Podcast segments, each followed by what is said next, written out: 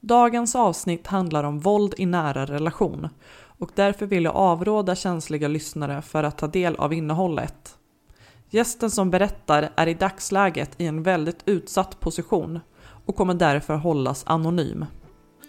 Jag har gjort mitt bästa för att censurera de delar som potentiellt kan röja hennes identitet, men det finns inga säkerhetsgarantier. Hon väljer, trots riskerna, att dela med sig av den verklighet som är hennes. Ett inferno av hot, kränkningar och våld. Kvinnan som är dagens gäst mötte sin exman under gymnasietiden och hon märkte redan från början att något inte stod rätt till. Han var oerhört svartsjuk men kunde trots det flörta och sova över hos andra tjejer. När hon försökte lämna honom kom romantiska gester i form av rosor, bubbel och lovord om att aldrig göra om det. När hennes föräldrar dessutom tryckte på innebörden av förlåtelse var utvägen ur relationen försvinnande liten. Detta är hennes berättelse, hennes verklighet. Våldet är på riktigt.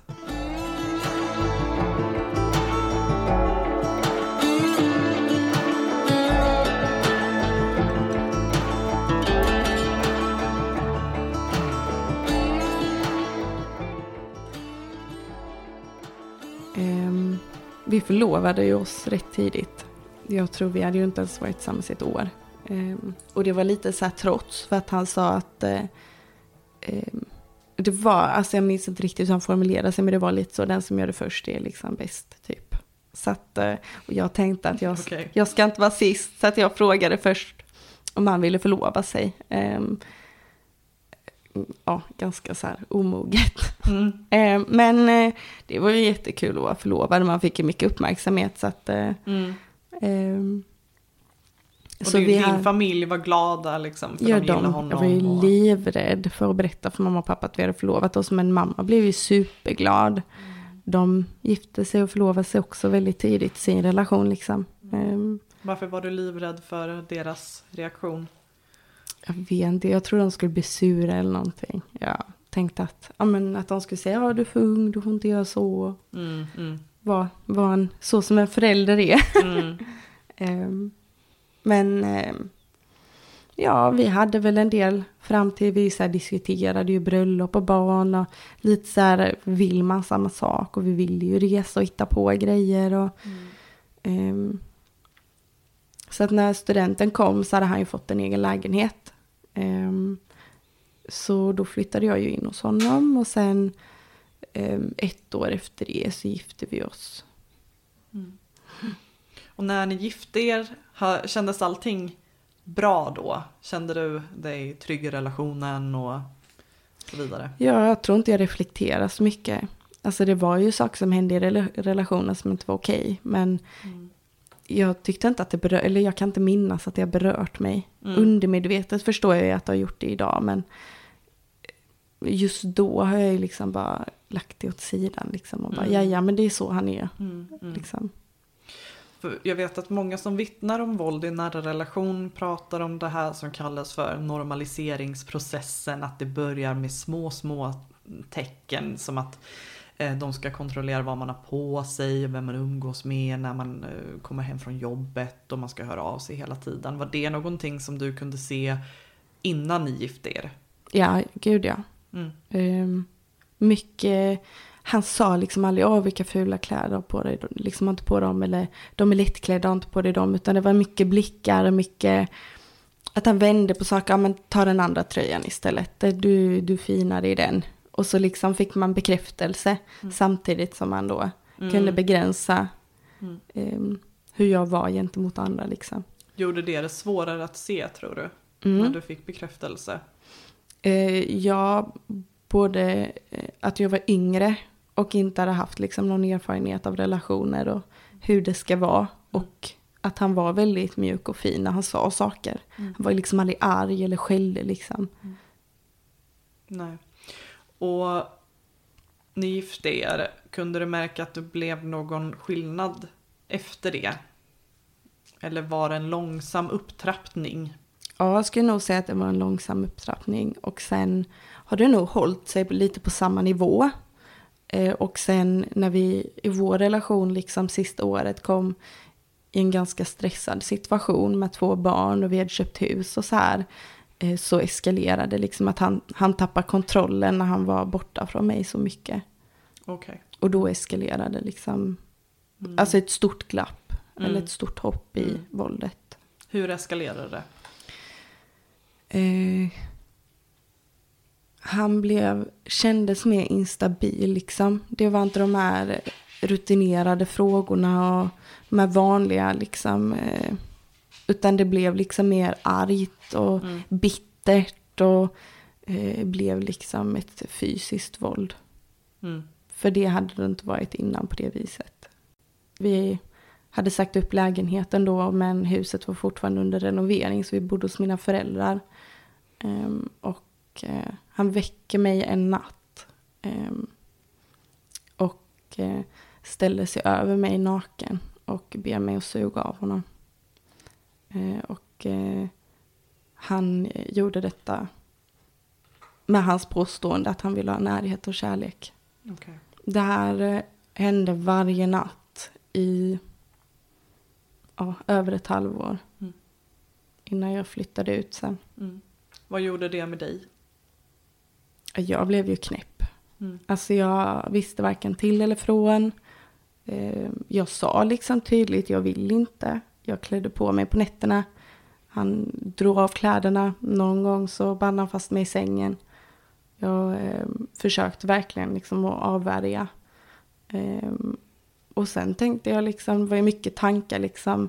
Gör jag fel? Gör han fel? Är det rätt? Ska det vara så här? Jag vet inte. Är det liksom... Eh, jag var helt utmattad och så två små barn och jag började plugga. Ehm, så att ehm, jag liksom ifrågasatte mig själv mycket, att jag överreagerade. Och, ja men har man liksom gift sig med någon då får man liksom stå ut och så här är det. Och, Mm. och det var liksom mycket och idag vet jag liksom inte heller riktigt liksom vad jag ska sätta fingret på vad som gick snett liksom. Mm. Mm. Nej, alltså får man avbruten nattsömn hela tiden så blir man ju utmattad av det i sig. Men Mm. blir man dessutom utsatt för övergrepp så vill jag inte, alltså jag kan inte ens föreställa mig vad det gör med ens psyke och hur snabbt man måste brytas ner av en sån grej. Och jag tror också, när man är gifta eller så här har en relation så är det svårt att säga att, ja, men, att man inte kan ha, man kan liksom inte bli våldtagen i en relation. Det är, alltså, det är många som inte kan föreställa sig det och det kunde inte jag heller. Det är klart att det inte är en, en våldtäkt och jag är ju svårt att säga idag att det är en våldtäkt utan han väckte mig på nätterna och vi hade sex liksom. Mm, mm, Alltså, det är så jag formulerar mig. mm. Och jag tror att det är många som glömmer bort det där när det är ens partner som Mm. utsätter en för övergrepp. Ofta så är det ju någon bekant som man inte är i en relation med. Men att en våldtäkt är ju, alltså en, en relation definierar inte en våldtäkt på något sätt. Nej. Ehm, jag tror det var 1965 som man införde en lag om, ehm, om att våldtäkter faktiskt kunde utföras eh, inom äktenskapet. Men innan dess så fanns inte ens det brottet Nej. eh, på papper. Eh, men däremot så tror jag att den här bilden sitter kvar eh, hos många och i samhället att äkta makar eller pojkvän, flickvän eller liknande liksom, kan inte våldta varandra. Det ger inte ett automatiskt samtycke för att man är i en relation. Nej, precis. Men eh, ja, så att eh, jag insåg eh, att jag ville skilja mig. Jag glömde knäppa fast min son i bilen. Eh, och han ställde sig upp. Mm. I, jag hade liksom börjat köra men vi körde sakta på en liten gata och han ställde sig upp och sa mamma. Mm, Eh, och jag tvärnitade och bara, jag har glömt knäppa fast mitt barn i bilen. Jag är så väck och så sömnlös liksom. Och jag var liksom så utmattad, utslagen, så jag liksom utsatte mina barn för en risk.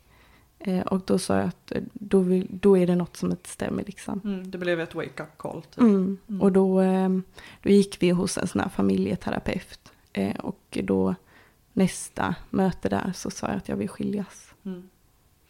Och då hade ni varit gifta hur länge? Fem år. Mm. Och när ni gick till den här familjeterapeuten, vad var det som lyftes i, i de samtalen? Ja, det var ju en incident. Jag hade ju kodord och så åt mina vänner. Um, så jag använde det kodordet eh, och hon kom ut och tog barnen och så, ja det var katastrof i huset och det var bråk och det slängde stolar och telefoner och han var ju alldeles tokig på mig. Eh, och då sa jag till honom att jag vill flytta ut. Mm. En vecka, jag behöver bara sova en vecka. Mm. Och, liksom, och sen kan vi jobba på det här. Mm. Eh, och då sa han flytta du så tar jag livet av mig. Mm, okay. Han bara, jag ställer mig framför tåget, jag tar kniven i köket. Han sa, lämnar du mig då dör jag. Mm. Så jag vågade inte flytta ut. Utan eh, då sa jag att då behöver vi gå och prata med någon. Eh, och det är nu liksom. Mm. Jag sa annars så kommer du aldrig mer se mig igen. För jag sa jag orkar inte mer. Mm. Och då eh, kontaktade han kommunen och bokade in faktiskt. Mm. Eh, den här familjeterapeuten. Mm. Eh, och eftersom vårt yngsta barn var under ett så fick vi en akuttid. Annars är det ganska många månaders väntetid. Och på det här mötet då så går hon igenom då familjer, vad man har för bakgrund och lite så här relationen och liksom the main issue. Mm. Um, och under här, eh, de här samtalen så uh, kom hon ju fram till ganska fort att jag var utmattad och uh, i princip utbränd. Mm.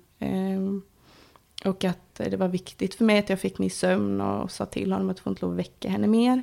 Man fick ju ta så här baby, baby steps liksom. Um, och han, um, under samtalen, vi var ju där ett antal gånger, så konstaterade ju hon att uh, han måste söka hjälp. Gjorde han det? Nej. Han ansåg inte att det var fel på honom. Han ansåg att jag inte skulle gå i skolan och träffa andra och att det var självklart att jag skulle visa min telefon och folk jag pratar med. Och, eh, hon sa att vi tar liksom ett steg i taget då, att jag skulle låsa min telefon. Eh, han fick inte ha tillgång till den för att liksom han också skulle då kunna bearbeta sin kontroll. Mm. Eh, men det blev ju liksom inte bättre, det blev ingen effekt. Jag tror man måste själv vilja ha hjälp om det ska hjälpa att gå på sån här. Um, och eh, jag var ju alldeles för rädd för att säga till honom att jag ville skiljas. Um, så att jag tog det när vi var där tillsammans liksom. Mm. Med henne. Hur ehm. reagerade han då? För då var det inför en annan människa tänker jag. Ja, han... Alltså hans ögon, mm. alltså blickar kan ju verkligen säga allt. Mm. Men han blev arg på henne. Han sa det är hennes fel. Att vi har kommit hit och gått här, det är ditt fel. Mm. Eh, så att han la ju allt på henne. Mm. Att eh, hon har manipulerat mig och mm. vänt liksom mm. på mitt. Men hon gav mig ju ganska mycket klarhet. Så att jag på ett sätt kan man ju säga att hon. Fick mig att inse att eh, han kom, om inte han vill söka hjälp så kommer vi aldrig kunna komma någonstans heller. Um, och lite så här vad är livet värt att leva om man konstant ska må dåligt? En relation ska ju ge en styrka och glädje och få en att vara en bättre person. Mm, precis. Eh, och eh, det gjorde inte vår relation, mm. varken för honom eller för mig. Mm. Han mådde ju inte bättre av att vara med mig och konstant vara orolig och mm. konstant liksom ha den här svartsjukan. Mm, det var inte bra för honom heller. Mm. Eh, verbaliserar någon vad det var som hände. Verbaliserades det att du blev väckt på nätterna för att du blev våldtagen till exempel? Ja, eh, det berättade jag för henne och det sa han ju också att det var liksom, han vill bara ha närhet och kärlek. Det var ju liksom hans förklaring. Um, och jag förklarade att han hade övervakningskameror uppe i huset och hade koll på mig och han hade konstant liksom koll på min telefon och alltså hon var fullt medveten om det och så här i efterhand kan jag ju känna att hon borde liksom alarmerat och sagt vänta lite det här är våld i hemmet. Vi kanske, det är liksom inte bara dispyter i en relation liksom utan det är faktiskt ett våld mm. Eh, och att hon kanske borde ha tagit åtgärder redan där. Jag eh, tänker det också. Eh, jag tänker att det är väldigt viktigt att göra det nästan svart på vitt. Det här och det här och det här, det är ett brott. Och du har all rätt att anmäla det om du känner för det. Men också kanske att, alltså hennes ansvar att uppmärksamma det. Mm. Jag vet inte vad det var för profession hon hade men många gånger så har man ju en anmälningsplikt. Vet du om hon gjorde det Nej. i förhållande till barnen och sådär? Nej, ingenting. Eh, utan eh, eh, när jag liksom utgick och sa att jag ville skilja så sa hon ja då har vi liksom ingenting mer här att göra. Det här är ju för att man ska kunna bygga en relation och sa, för jag sa att vi kan fortsätta komma hit att diskutera om barnen och så för att få det bra, hur vi ska dela upp grejer och liksom, jag hade sökt lägenhet och fått en lägenhet. Ehm, och då sa hon att då är det familjerätten, ska ni separera så är det familjerätten. Här jobbar vi för att stärka och bygga relationer. Inte liksom Mm. efter skedet om en relation Mm. tar slut. Liksom. Och det var bara familjerätten hon hänvisar Mm. vidare till. Ingenting angående själva våldet Ingenting. i relationen. Nej. Okej, ja. Och, då, och där, jag tror det här var kanske i februari. ehm, slutet av februari kanske 2020. Och då hade jag inte kommit till insikt att det han hade gjort var liksom våld. Utan jag kände ju liksom bara att det här inte känns bra liksom. Jag hade ju inte insett att det han gör är fel liksom Mm. lagmässigt. Mm. Hade du någon som såg dig under den här perioden som kunde sätta ord på vad det var du utsattes för? Mm, ja, jag har väl kanske inte berättat allt, men kanske delar eller bitvis för, viss, för vissa personer. Eh, och de har ju förstått liksom att, för jag kunde säga, ja men han är ju i alla fall snäll. Och då hade jag en vän som sa, fast det är inte snällt om man gör så här. Mm. Som vad då Mm. till exempel? Eh, att han väckte mig på nätterna. Mm. Eller att han eh, liksom, eh,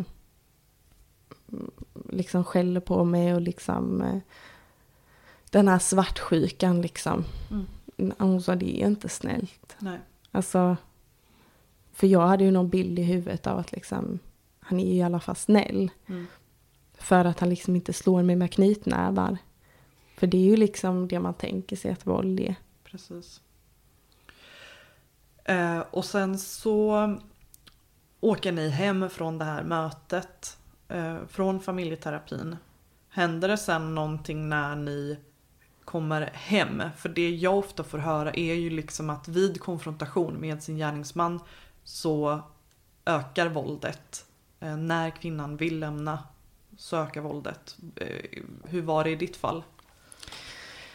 Ja, det eh, ökade, det kan jag ju säga. Det blev ju mycket mer oroligt och mycket mer... Eh, jag kände mig mycket mer utsatt. Eh, det blev eh, mer fysiskt.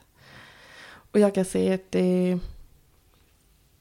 Ah, det, den tiden blev så himla konstig för att vi hade gått ut med att vi skulle skiljas men ändå så skulle vi gå på familjemiddagar. Mm. Vi skulle ändå liksom träffas med barnen och grilla eller vi skulle laga mat och vi hade frukost varje lördag med hela familjen. Och varför är inte han med? Så bara, nej men vi ska skiljas. Mm. Alltså de, så hela den tiden blev väldigt märklig. Mm. Mm. Ehm, och han pratade ju mycket med min familj och därför vågade inte jag heller prata med min familj. Mm.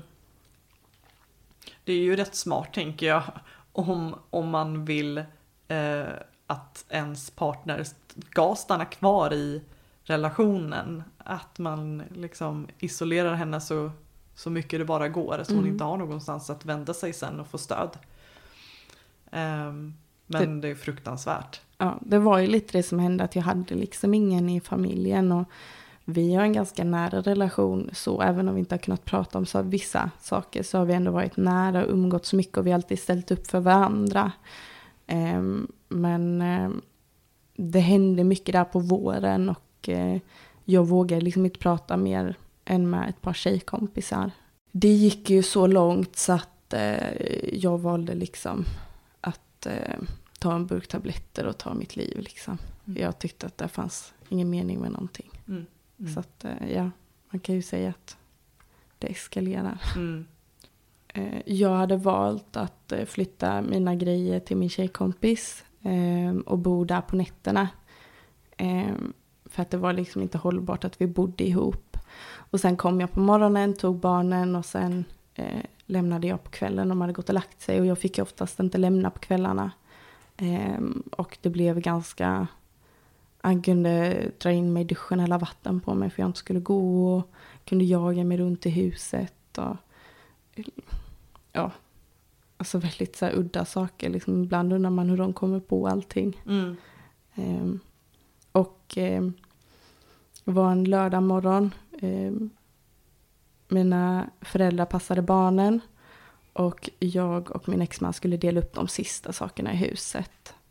Eh, och eh, där dök upp frågor om pantbrev och lagfart. Och eh, hur vi skulle dela upp det. För vi hade en kredit på huset från när vi renoverade som skulle slå ihop. Och då skulle vi, det skulle bli kostnader liksom. Jag skulle betala honom, jag hade inga pengar.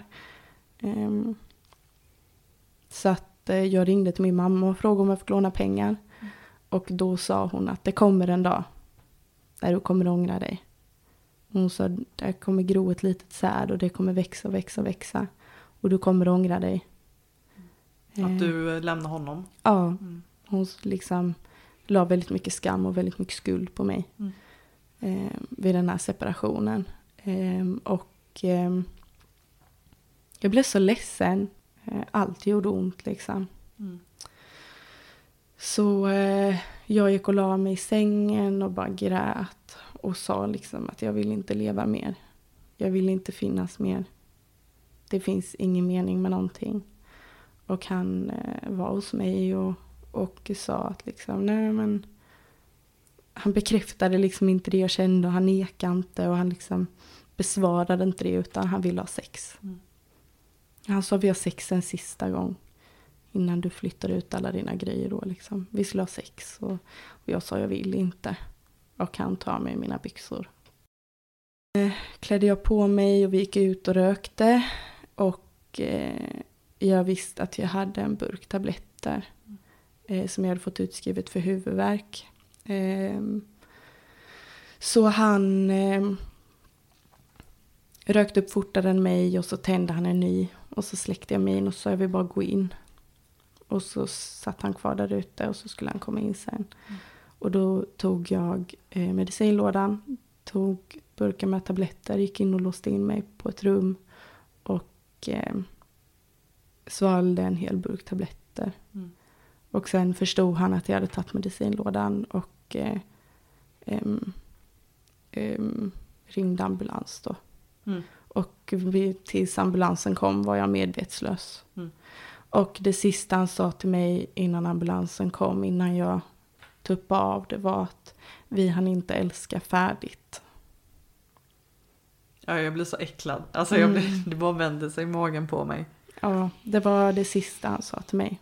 Ehm, och sen är det väldigt eh, luddigt, men jag minns att han fick inte följa med i ambulansen. Som tur var eftersom det var corona. Det hade precis kommit så att han fick ju inte följa med in. Ehm, och sen liksom började ju den här processen då. Det tog liksom en vändning och jag fick faktiskt till viss del hjälp. Mm. För mig var det verkligen ett rop på hjälp. Och jag visste ju om att eftersom jag är barn så kommer socialen bli inkopplad. Och jag visste om att eh, lite säga att jag ville att få min familj att vakna också. Mm. Eh, en ganska självisk Mm. eh, sak att göra för att jag gjorde ju väldigt många oroliga. Jag, jag blir väldigt eh, frustrerad och arg när, när jag hör dig berätta det här. Men inte på dig utan på människorna runt omkring dig. För du hade inte hamnat där om någon såg dig och om någon lyssnade på dig. Nej. Eh, och att det är ett jävla svek liksom. Ehm, och jag tror att det är en stor anledning till varför så många kvinnor eh, Eh, stannar i de här våldsamma relationerna. För att de får ingen hjälp. De får inte den hjälpen de egentligen har rätt till. Eh, men vad, vad hände sen? Eh, efter att du varit inlagd? Eh, min eh, väninna som eh, lät mig bo hos henne och hennes familj, eh, hon eh, blev ju superorolig för att hon inte fick tag på mig. Eh, och hon kontaktade min mamma. Hon gav liksom ingen respons på var jag var någonstans och de visste att jag hade åkt in med ambulans. Ehm, de ringde min exman och han gav inte heller något svar var jag tog vägen liksom. De fick liksom ingen... Så de blev så oroliga att han hade gjort något så allvarligt och att de hade gått i någon konspiration med min mamma liksom. Eh, så att eh, de ringde faktiskt polisen och sa att jag var försvunnen. Att de inte får tag på mig. Eh, och polisen tog detta på fullast allvar. Och, eh, och, och de förstod ju liksom vad han utsatte mig för. Och att han liksom, ja men han är ju sjuk i huvudet liksom. Mm. Så tänkte ju de. Mm. Ehm, så att de berättade ju detta för polisen och var väl därför de tog det på allvar. Mm. Ehm, och åkte hem till min familj. Och där blev något missförstånd så att de försökte gripa min bror för de trodde att han var min exman. Och när de fick förklarat då att jag var inlagd på sjukhuset. Eh, blev ju superturbulent så dök polisen upp hos mig på sjukhuset. Och jag var ju ganska borta eh, med tanke på tabletterna. Mm. Var det här typ dagen efter eller? Nej, det här var, för jag hade väl tagit tabletten under dagen så detta var ju liksom ganska sent på kvällen. Var det samma dag till och med? Ja. Eh, och polisen dök upp och ehm, eh, frågade mig om min exman hade tvingat mig att ta tabletterna. Och att jag skulle liksom, de var ganska så här, liksom hårda och liksom, har mm. skadat dig? Har de gjort någonting? Liksom, berätta för oss nu. Mm. Och jag bara tänkte, jag vet inte vad jag ska säga. Nej, han har ju inte tvingat mig att ta dem, så att mm. han har ju inte gjort något fel. Kände du förtroende för de här två? Nej, absolut. Jag vågade inte. Mm. Jag ville säga någonting, men jag visste liksom inte vad jag skulle säga. Um, så att en sköterska där, jätteduktig sköterska, förstod jag att det var något som inte stämde. Och hon skickade ut poliserna och sa att hon kommer inte säga någonting till er. Mm. Och då satte hon sig hos mig och så sa hon, jag har full sekretess. Så det du säger, det stannar här. Och hon sa, det är ingen som dömer. Hon sa, det är liksom, här kan du säga precis vad du vill. Och då sa jag liksom vad det var som hade hänt. Eh, mm. under dagen och mm. berättade att jag är helt slut. Jag har inte fått sova. Mm. Han är så svartsjuk och att han liksom, eh, ja men jag berättar liksom. Mm lite grann. Och, eh, och hon sa ingenting och sa liksom bara att här är du säker och här är du trygg. Mm. Och eh, jag förstår att hon tog detta vidare till läkaren och en psykiatriläkare kom och tog kontakt med mig. Eh, och de blev in mig på psyk. Och hon informerade mig att jag hör egentligen inte till där men jag kunde få en chans att återhämta mig. Mm. Eh, och liksom ladda upp mig då inför att eh, kunna välja att polisanmäla eller om jag vill mm. skydda ett boende eller om jag vill liksom eh, mm. åka hem och, och sen liksom vidta åtgärder för eh, mm. ja, den relationen som jag levde i. Hur gick tankarna när du var där, när du var inlagd på, inom psykiatrin? Jag var väldigt nedstämd och kände mig ju ganska eh, dålig som person som hade gjort det här. Eh, och liksom utsatt vänner och familj för. Så att eh, jag kände mig väldigt, eh, ja men väldigt övergiven. Jag kände mig, eh, kände mig som en dålig person. Mm. Och tankarna gick väl mest runt liksom hur jag skulle ta mig hem, var ska jag bo, kommer jag få träffa mina barn?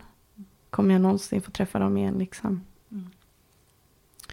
Så att eh, det var det var eh, jobbiga dagar. Mm. Samtidigt så har jag nog aldrig sovit så gott Nej. i hela mitt liv. Nej, jag fattar. För då var du helt plötsligt på ja. något liksom mer skyddat ställe.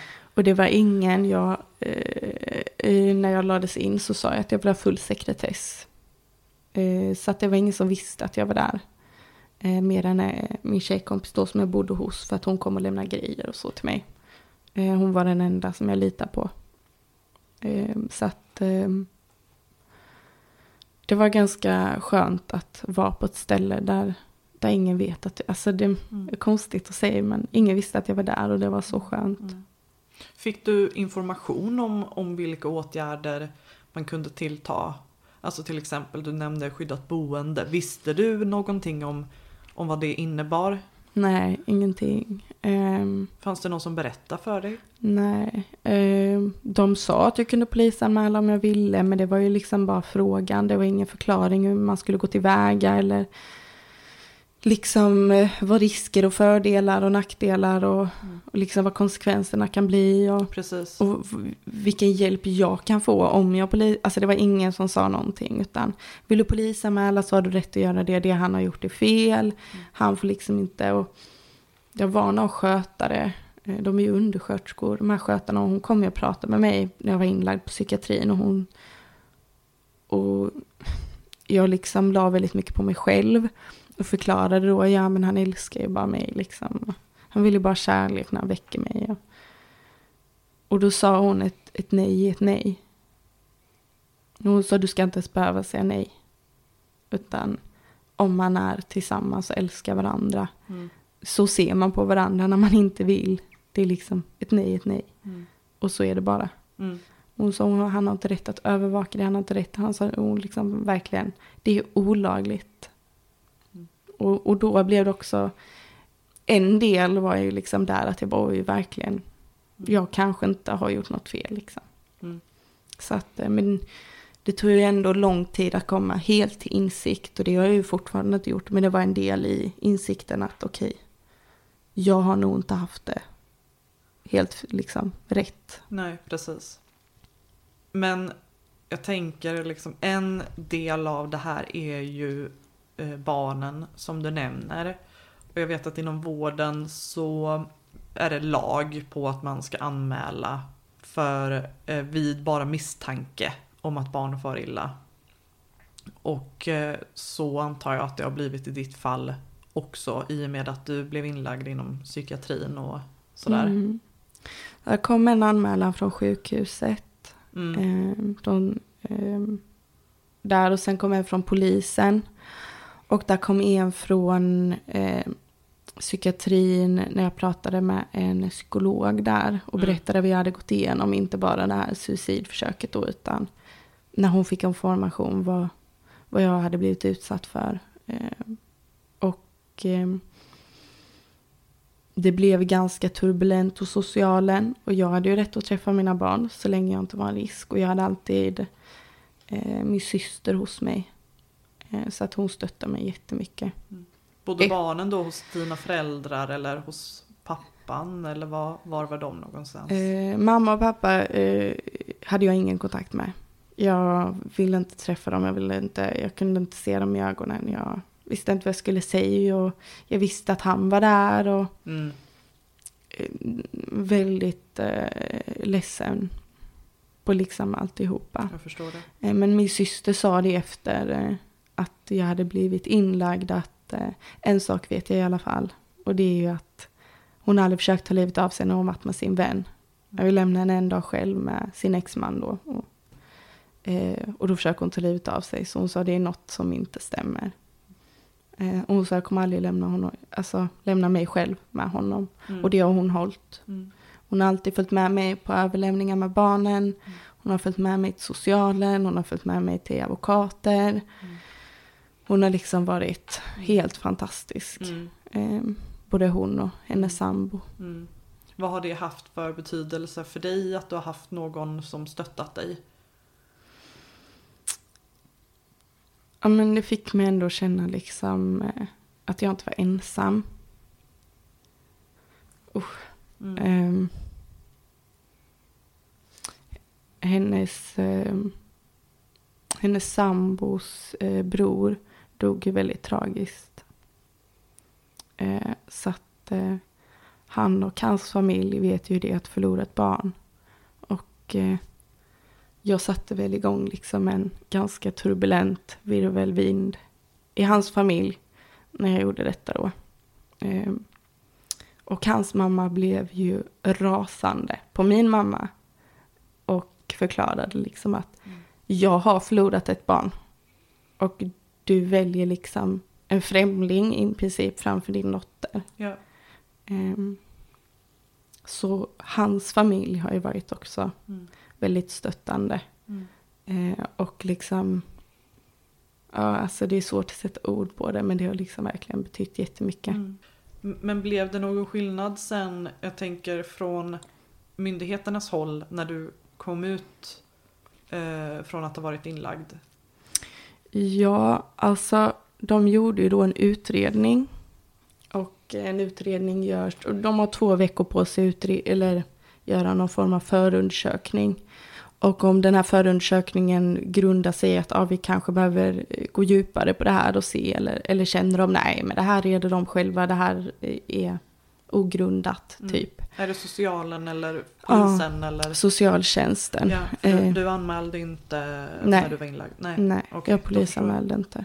Ehm, och då ehm, ehm, valde de att göra en utredning för de förstod att det var ju ganska mycket mer än vad man kunde se av blotta ögat. Mm. Och den eh, kvinnan som jobbade där och hade hand om vårt ärende var superduktig. Och hon förstod ju att det handlade ju inte om min, mitt suicidförsök utan hon förstod ju att det handlade om eh, ganska mycket större saker bakom det. Precis. Eh, Så att hon var superduktig och hon gick ju verkligen på djupet. Eh, Och eh, han har ju liksom suttit på möten där och erkänt att ja, han har kameraövervakning och han avlyssnar min telefon och Mm. ja, han har gjort det ena och det andra och han har erkänt allt. Mm.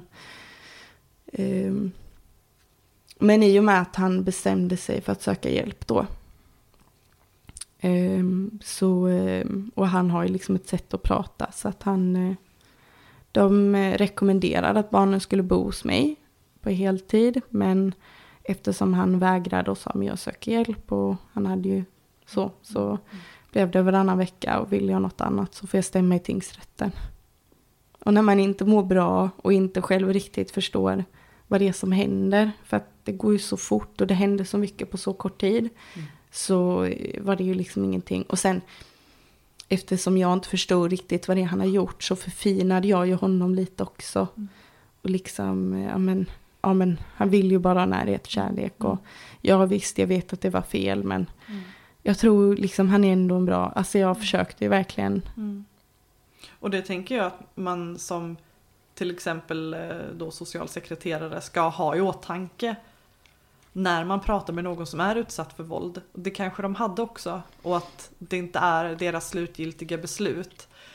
Men att eh, liksom, om, om någon är utsatt så är det ju såklart att de inte kommer säga hela sanningen för att det, man har så jäkla mycket att förlora på det. Mm. Eh, och att man kanske heller inte ser med ögon som en utomstående ser med. Ja, jag tror de är ju nog vana. Mitt fall var ju nog inte unikt för dem. Nej. De får nog se mycket som jobbar med det. Ehm, Så jag tror hon, var nog fullt medveten om att eh, vad som hände och vad saker innebar. Eh, Så att hon lät ju mig ha med en kvinna från eh, som jobbade för familjefridslinjen, teamet. Så att hon var ju med mig och kunde ju då liksom förklara att det här är makt och det är kontroll och, och jag fick gå på samtal där och fick stöd av dem. Um, och de har ju både offer och förövare. Det är ju inte riktigt så enkelt men de kategoriserade så. Så hon pratade med mig då som var ett offer och eh, hennes kollega pratade ju med min exman då. Eh, och det blev ju väldigt konstigt när vi ska sitta där i väntrummet tillsammans och gå och prata om Ja, det blev ju superkonstigt. Ni ska sitta och vänta tillsammans men sen, Sen gå, gå och till prata. separata Ja, personer och rum för att prata om varandra. ja, för att hon visste ju inte vilken min exman var. Så att när de här bokningarna skedde så fick vi ju i princip samma tid. Men det låter ju helt sjukt. Så att jag valde att inte gå dit igen. Så att samtidigt som jag kan säga att jag själv har avstått hjälp så känner jag ju ändå att där finns ju saker som har gått snett liksom. Eh, Och idag när jag sökte hjälp så säger de ju liksom att en person som blir utsatt för våld anmäler inte utan det är ju någon som ska ta dem i armen och dra in dem till polisen och säga nu anmäler vi liksom. Precis. Att man gör det, att man i princip måste tvinga personen. Mm. Alltså, Mm. jag tror att hade jag gjort det och fått det stödet som jag vet att man får idag Mm. av en utredning liksom. Eh, hade jag liksom inte suttit där jag sitter idag. Nej. Eh, en kanske känslig fråga men eh, ha, vad har barnen behövt liksom utstå? Vad har de upplevt och vad har de sett? Och, alltså hur, hur mår de idag? Vad de har sett och hört är väl ganska oklart. Mm. De var ju väldigt små. Jag tror även om de inte har sett något fysiskt våld så är ju barn eh, väldigt... Eh, en stor del av barnens kommunikationssätt är ju att anamma känslor och upplevelser.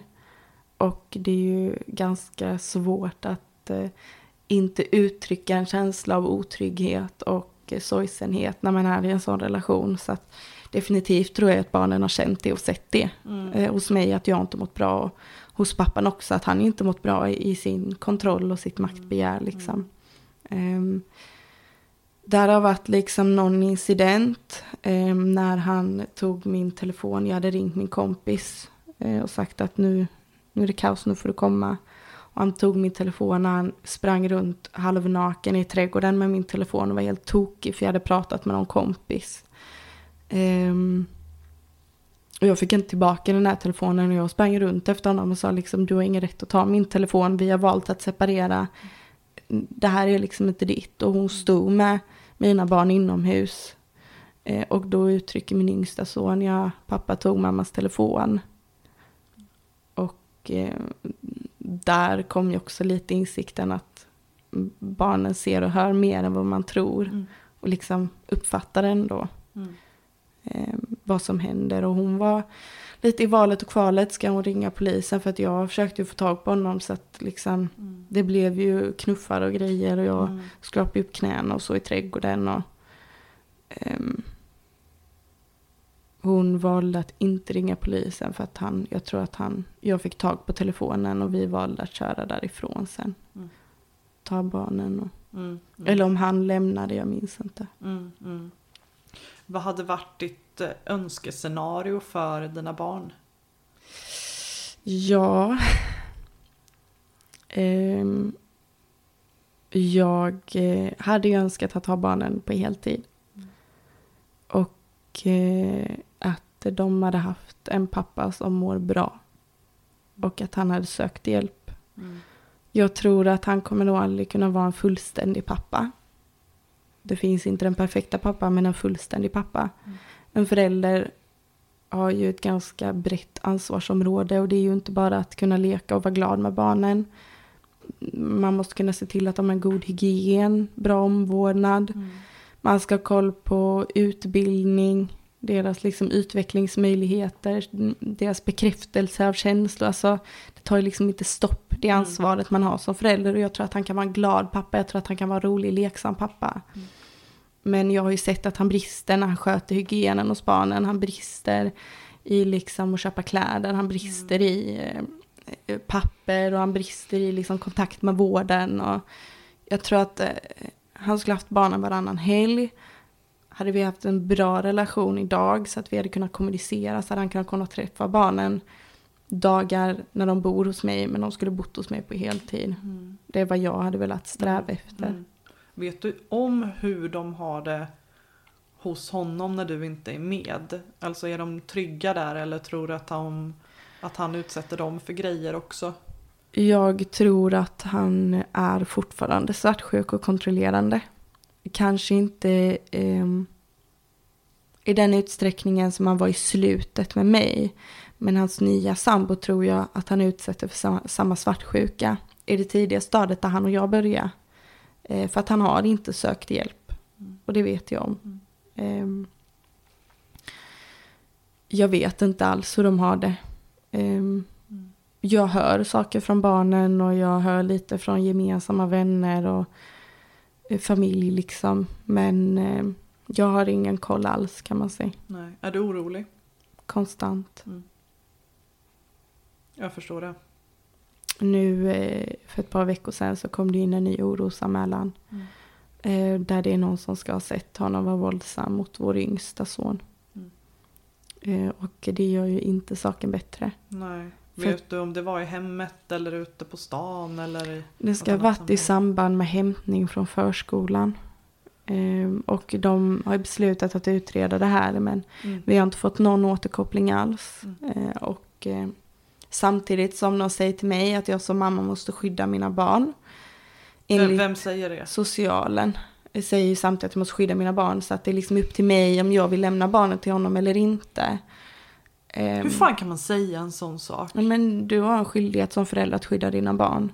Så om du misstänker att det händer saker men samtidigt skulle jag säga till honom du får inte ha dina barn, då kommer han ju stämma mig i tingsrätten.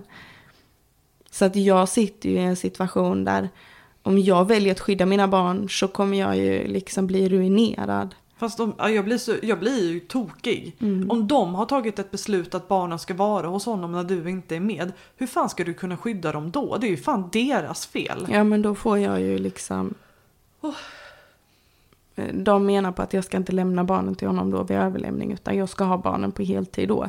Tills vi kan se vad den här utredningen visar. Ja, Men samtidigt så... då måste han gå med på det. Ja, alltså det blir lite så här, ja, jag kan säga till honom, jag känner mig trygg med att barnen är hos dig så jag väljer att behålla dem. Mm. Men samtidigt så har vi gemensam vårdnad så han kan ju bara gå in på förskolan och säga nu vill jag hämta mitt barn och de får inte Precis. neka det. Och jag får inte lov att träffa honom själv. Då får, alltså, jag kan ju inte ringa polisen och säga jag ska hämta mitt barn hos barnets pappa för att han har gemensam vårdnad. Han har rätt att ha barnen. Mm.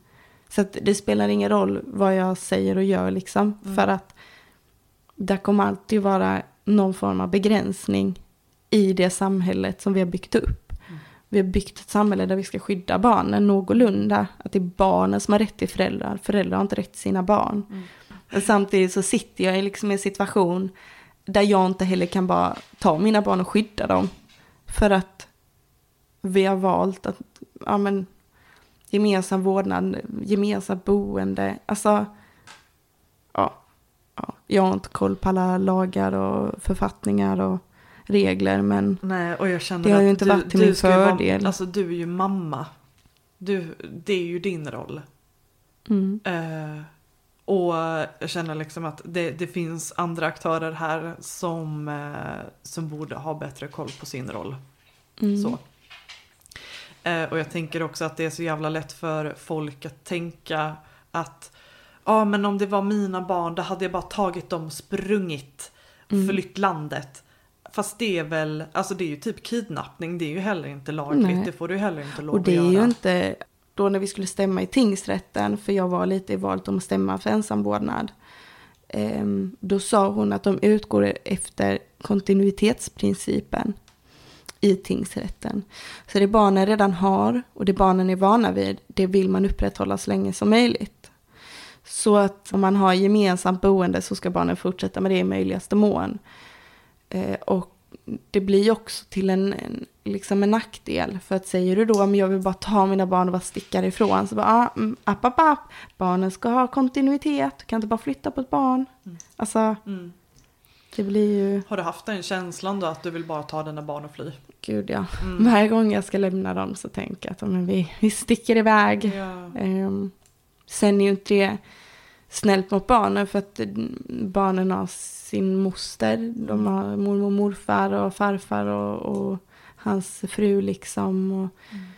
ehm, där finns ändå liksom nätverk runt om barnen som är goda förebilder och som skapar trygghet. Mm.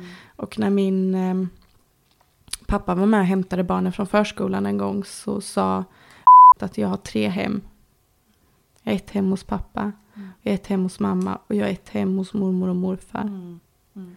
Så att, och det tyder jag ändå på att barnen har någon form av Mm. trygghet Ja. hos sin pappa också. Absolut. Även om det kanske inte är fullt ut. Nej. Nej, jag fattar. Så att eh, jag får väl glimsar på att de har det liksom någorlunda bra. Ja. Och försöker ändå hoppas på att de kommer hem hela. Mm. Inte alltid rena men hela. Mm. Så jävla sorgligt ändå. um, men hur ser det ut idag? Um, hur ser situationen ut? Är du fri från våld? Uh, känner du dig trygg till exempel? Uh, nej, idag pågår ju våldet ändå. Alltså, även om det inte är så att jag bor med honom och det inte är samma psykiska våld och eh, sexuella våld så är det ändå ett våld där han använder makt mot mig genom att använda barnen eller sin ekonomiska status.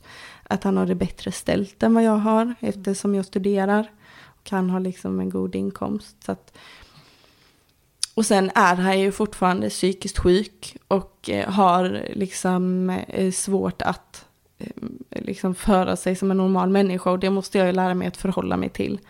Så exempelvis eh, diskuterar vi någonting så vänder han ju och vrider på saker och det är mycket skuldbeläggande och eh, han liksom lägger väldigt mycket på mig eh, som person och som förälder. Och, och jag ger liksom ingen respons och vi har ju bara kontakt på meddelanden. Ja. Ehm, så att jag eh, svarar bara på det som har med barnen att göra. Och säger han liksom skit av mig så liksom svarar jag inte på det. För att Mm. det ger mig oftast ingenting. Mm. Och inte honom heller. Eh, och det gynnar verkligen inte barnen. Mm. Sen eh, har det ju hänt incident när han har blivit våldsam vid överlämningar och så med barnen när jag varit själv. Så att eh, jag får inte lov att träffa honom ensam. Mm. Så att jag har alltid någon med mig. Mm. Eh, föräldramöten, utvecklingssamtal. Vi har ju så mycket som möjligt separat. Vi har ingenting gemensamt. Det går inte. Nej. Jag kan liksom inte se på honom. Nej. Um, alltså vad saknar du från omgivningen? Till exempel myndigheter och vården och anhöriga och, och sådär. Vad hade de kunnat hjälpa till med som du inte har fått hittills? Svårt att säga. Nu när socialen kommer bli inblandad så hade jag ju önskat mycket mer stöd från dem och mer insikt i hur det har varit förr och hur det är liksom nu i samarbetsfrågor och så också. För vi kan ju sitta i familjerätten och, och diskutera men kommer man ingenstans, alltså vi hade behövt någon som sätter ner foten och säger fast vi anser att detta är bäst för barnen. Och nu är det så liksom. Mm. Så att lite det stödet hade jag behövt. För när ni sitter i familjerätten så är det De kan Liksom. inte ta några beslut. nej. Och om du har då en ska hantera en person som hela tiden arbetar emot dig och har utnyttjat dig på alla möjliga sätt och vis och trycker ner dig. Hur ska man då kunna komma överens om grejer liksom, Mm. som är till bådas vinning? Ja, Nej, och, och familjerättens syfte är ju att medla och eh, undvika konflikt. Eh, så att det man sitter och gör där är att komma överens själv och skulle det gå över då till att det blir påhopp liksom personligt säger de app, app, app, det här har inte med saken att göra, nu får ni återgå till det som är viktigt och det är barnen och prata om det. Och då är det lite så här, även om vi har kommit överens om saker på familjerätten, så när vi går därifrån så säger han, ja fast nu gör vi så här istället, ja fast nu hade vi ju inte bestämt det. Mm. Ja, socialförvaltningen, hade de kunnat göra något annorlunda? Jag vet inte riktigt vad socialförvaltningen gör. Nej, jag vet att det som hände efter Lilla hjärtat var att man kunde ta till en viss auktoritet i form av eh, eh, typ obligatoriska drogtester och Mm. Eh, sådana grejer på en förälder som man misstänker använder droger. Ja, han har ju drogtestats eftersom att jag hittade att han odlade marijuana i källaren. Ehm, men då får han välja tid och datum själv. Är det sant? Jajamän. Mm. Och tar du till exempel eh, marijuana så håller ju det ändå 30 dagar. Ja, det är lång tid. Eh, tar du kokain tror jag det är 3 till 11 dagar. Mm. Så att säga om att han festar på fredagen så när han ska kissa på tisdagen så är det veck eventuellt. Alltså jag smäller av. Jag blir, Så jag blir, att, eh, jag blir helt tokig. Jag, jag förstår vilken jävla rävsax det är du sitter i. Mm. Och, Mm. och det ligger ju lite på mig själv och, det, och man ska ju inte älta saker. Men jag ångrar ju verkligen att jag inte polisanmälde. Mm. Ehm, att jag inte polisanmälde liksom i, när det var stundens hetta i separationen. Mm. Samtidigt så får jag ju jobba med det jag har. Och Jag har ju fått hjälp från läkare och jag har fått stöd. Och det är ju sånt som jag har fått söka själv liksom. För att jag har fysiska bestående men Mm. från vår relation och Mm. eh, ganska mycket psykiska. Mm. Alltså en stark psykisk ohälsa. Jag går och träffar någon nu som eh, ska utreda mig för PTSD. Eh, och jag har ju väldigt mycket ångest som jag får liksom bearbeta. Mm. Och sen har jag ju bra dagar och dåliga dagar. Mm. Är det mycket tryck liksom och konflikter så är det ju mycket svårare och mycket stress med jobb och skola och ekonomi så är det ju också jobbigare liksom. Mm. Hur mår du i den relationen du befinner dig i idag? Eh, till och från mår jag bra. Eh, det är jobbigt att vara i en relation när man inte riktigt vet eh, vad som är rätt och fel. För att man blir ändå inlärd att vara på ett visst sätt när man levt i det från så ung ålder, liksom i så många år. Eh, så att ibland får man ju liksom hejda sig själv och vi får liksom diskutera saker och se med, och då han säger fast det är inte normalt men det funkar inte så. Och jag får ju liksom bearbeta det då och säga men det här är det enda jag vet. Mm. Jag vet inget annat. Mm. Det är liksom, här varsågod du får kolla min telefon. Fast man kollar inte varandras telefoner. Bara, nej, nej, då får vi börja om Shit. här. Det är ju ren hjärntvättning. Ja, jag tror det är annorlunda när man träffar någon, hamnar i ett våld i så ung ålder. Mm. Och det har jag ju fått höra också med dem jag professionellt pratat med. Att det har ju varit en nackdel i min återhämtning att jag var så ung. Och sen att jag inte haft det familjestödet. Och då kan man ju titta på hur de flesta relationer Mm. brukar se ut. Vem är det som är yngst och vem är det som är äldst i en relation? Och det är ju knappast till kvinnors fördel Nej. kan man ju säga. Eh, Jag tänker så här kvinno, kvinnorättsorganisationer och så, är det någon sån som har tagit kontakt med dig eller har no, du tagit kontakt med någon annan? Nej, jag gick ju där till den kvinnofridslinjen men eh, det blev ju lite pannkaka där så att eh, jag gick ju inte dit mer. Sen blev jag erbjuden skyddat eh, boende eh, i samband med att jag gick till en psykolog efter mitt suicidförsök. Just det. Så blir man ju, när man blir inlagd på psykiatrin så inom sju dagar så har man eh, eh, har vården en skyldighet att tillsätta en psykolog som man ska få ett samtal med. Mm. Och det var hon som gjorde eh, orosanmälan också.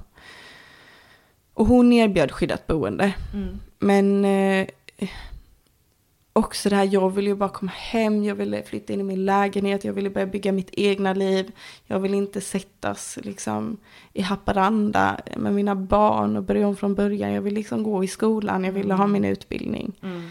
Ehm, jag ville vara med min syster och, och mina vänner liksom. Mm. Ehm, så att eh,